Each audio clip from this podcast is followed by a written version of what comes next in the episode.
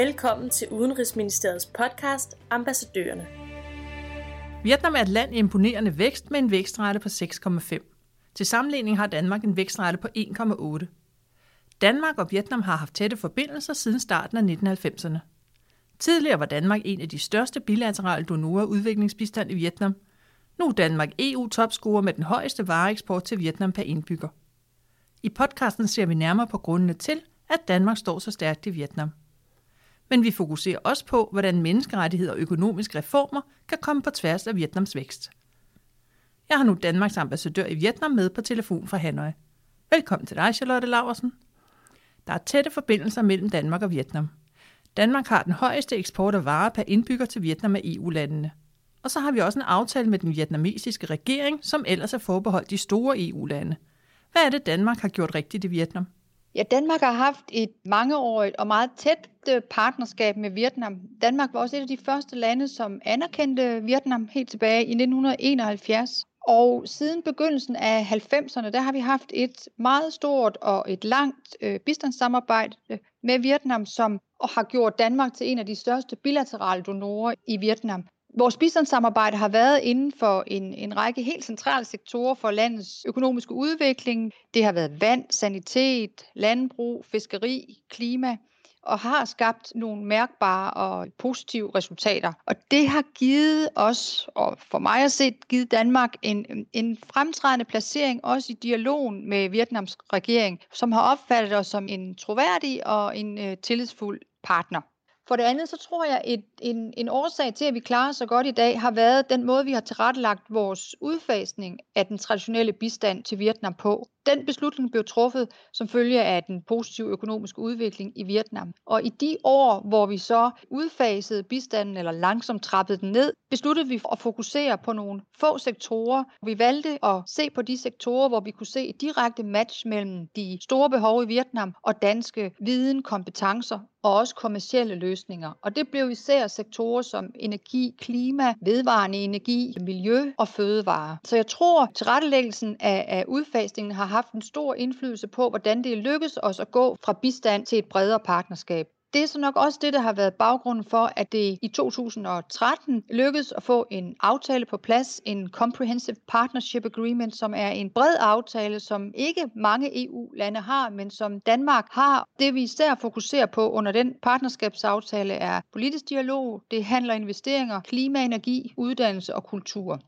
Vietnams hovedudfordring er at undgå det, du kalder mellemindkomstfælden, hvor økonomien primært hviler på billig arbejdskraft, og hvor der er store problemer med langsigtede påvirkninger af blandt andet miljø, sundhed og fødevaresikkerhed. Hvad gør Danmark for at støtte Vietnam? Kan du give et konkret eksempel?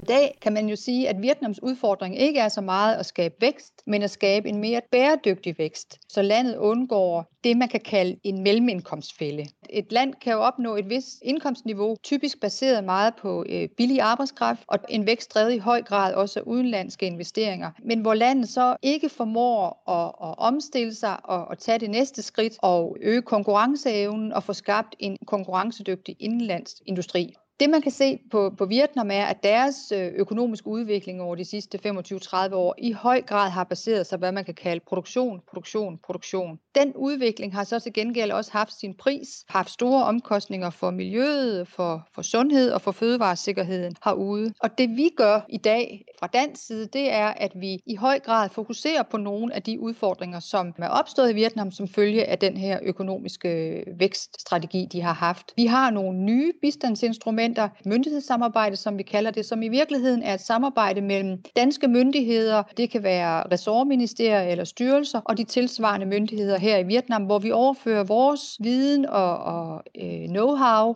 Og jeg synes som eksempel øh, er det egentlig interessant at kigge på øh, netop energiprogrammet, fordi her er det den danske energistyrelse, som har et tæt samarbejde sammen med ambassaden med det, det vietnamesiske industriministerium, som er ansvarlig for energiudviklingen her i landet. Og, og Energistyrelsen går ind med deres viden, og også sammen med Vestas for eksempel, og kigger på, hvordan kan vi bistå med vores erfaringer fra Danmark og vores løsninger for at opbygge vedvarende energi i form af for eksempel vindenergi, som der er et meget stort potentiale til i Vietnam med den her ret lange kystlinje, som, som landet har. Vietnam tordner der ud af, men der er store forhindringer på vækstvejen. Vi lader de alvorlige klimaforandringer i Vietnam ligge i denne omgang og koncentrerer os om menneskerettigheder og økonomiske reformer. Hvordan står det til med menneskerettighederne i Vietnam? Og hvad siger vietnameserne til udenlandsk indblanding på området? Ja, altså Vietnam er jo et, et kommunistisk etpartisystem, sådan som øh, vi kender det fra Kina, hvor øh, kommunistpartiet sidder tungt på magten og ikke tillader nogen form for kritik. Det vi ser, det er, at det også i stigende grad bliver tydeligt, at det bliver en svær balancegang for systemet på den ene side at sikre fortsat økonomisk vækst, og så samtidig fastholde det nuværende politiske system. Det er meget tydeligt med, at med Vietnams internationale politiske og økonomiske integration, som partiet støtter øh, og, og, og står bag, fordi det er jo også hele forudsætningen for, den, for økonomisk vækst og fortsat økonomisk vækst og udvikling i landet. Det har også sin pris for partiet i form af ikke mindst Facebook, som er meget udbredt i Vietnam og er blevet øh, enormt populær inden for de sidste år. Og øh, det er blevet en vigtig debatforum for, for almindelige mennesker, som tidligere ikke har haft den mulighed, fordi hele pressen og, og alle medier er, er statskontrolleret eller partikontrolleret. Så, så det vi kan sådan se overordnet, det er, at, at på den ene side set, så, så sker der over årene forbedringer på menneskerettighedsområdet, sådan i bred forstand. Og vi ser en udvikling også, hvor der bliver skabt mere rum for at udvikle øh, sådan et levende civilsamfund, og hvor de får lov at debattere også på Facebook omkring utilfredshed med korruption og med øh, miljøskandaler, som der har været nogle stykker af herude i de sidste år. Men på den anden side set, så, så er det også tydeligt, at indimellem så trækker partiet i den anden retning og, og forsøger at prøve at igen stramme grebet. Og der har været i de sidste, især det seneste års tid, nogle svære sager, hvor vi har oplevet, at man har slået hårdt ned på for eksempel blokker, og der er kommet hårde fængselsstraffe fordi man har anklaget dem for at skabe ustabilitet mod landet. Så det går, altså i, på den lange bane er vurderingen, at det går i den rigtige retning, men der er nogle nedture øh, undervejs. Jeg vil sige, at Vietnam kan ikke være i tvivl om, hvad vores øh, holdning til menneskerettighederne er. Altså det er ud, de ved udmærket, at vi bryder os ikke om de ting, vi oplever øh, herude. Men jeg tror også, man må sige, at erfaringerne har vist, at vi opnår bedste resultater ved at engagere os med vietnameserne. Økonomiske reformer i det kommunistiske Vietnam kommer til at gøre ondt, siger du. Korruption er udbredt, og det nuværende økonomiske system er præget af personlige interesser. Kommer det til at lykkes, og hvem kommer det til at gøre mest ondt på? Man kan sige, at de sidste 30 års økonomiske fremskridt, de, de er gennemført på en bølge af, af økonomiske reformer, der har sikret sådan markedsøkonomiske lignende vilkår herude og tiltrukket enorme udenlandske investeringer i Vietnam. Men det er også klart, at hvis Vietnam ikke skal forblive det her mellemindkomstland, som vi talte om før, så skal de økonomiske reformer op i et, i et helt andet gear, end de er i dag. Og det er klart, at noget af det, der skal sættes ind overfor, det er korruption, det er at se på de store tabsgivende statsejede virksomheder. Reformplanerne er i et vist omfang allerede på plads. Det vi ser, det er, at, at det peger i den rigtige retning. Man vil det rigtige, men gennemførelsen af den kan være udfordrende. Det er helt åbenlyst, at der bag de her reformplaner og, og viden om, hvilken retning man skal gå, der ligger der altså også nogle tunge, jeg skal vi kalde dem privatøkonomiske interesser, som trækker i en anden retning. Og her tænker jeg selvfølgelig på korruptionen, som er udbredt i alle dele af samfundet. Den er der også i Kommunistpartiet i høj grad, den er i regeringen, den er i de her statsejede virksomheder, og det er derfor virkelig afgørende, at man får sat ind også mod den.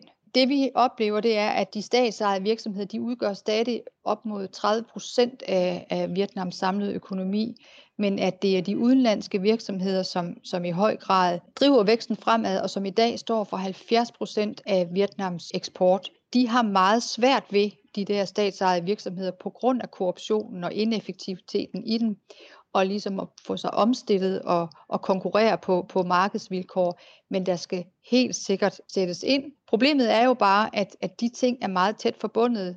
Øh, partiet og regeringens indflydelse på de statsejede virksomheder, det er en, en, en relativt lille elite, der, der sidder her, og hvor, hvor tingene er, ja, er tæt forbundne. Hvad er dit bud på Vietnams økonomiske fremtid? Det er selvfølgelig svært at spå, men jeg vil sige, at Vietnam er et utrolig ambitiøst land og også et meget arbejdsomt land. De er kommet meget, meget langt på, på de sidste 25 år. Men det er klart, at som vi lige har talt om, så er der store udfordringer øh, foran dem, hvis, hvis de her ambitioner skal, skal gennemføres, som, som, som de tegner sig.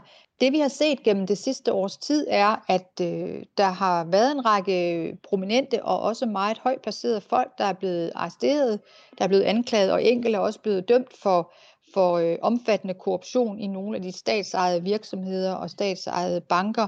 Om det er udtryk for et skifte i øh, indsatsen og, en, og et virkelig forstærket indsats mod korruption, eller om det måske mere udtryk for en stigende intern øh, magtkamp i partiet, det er nok lidt for tidligt at sige, men i hvert fald bliver der gjort en indsats øh, i de her øh, seneste års tid, og jeg tror også, man i partiet er så meget bevidst om, at der i befolkningen er en stigende utilfredshed med korruptionen, som jo er ikke kun i parti og og regering og statsejede virksomheder, men også i uddannelsessystemet og sundhedsministeriet. Og skal partiet og systemet bevare sin legitimitet, så skal der sættes ind over for, for korruptionen. Så jeg tror, der er nogle, øh, en, en stærkt incitament til at, at løse nogle af de udfordringer, man, man står overfor, sådan at, at man kan opfylde de øh, økonomiske ambitioner om fortsat vækst. Det var slut på podcast om Vietnam. Du kan følge ambassaden på Facebook Tak til ambassadør i Vietnam, Charlotte Laversen, og tak fordi du lyttede med.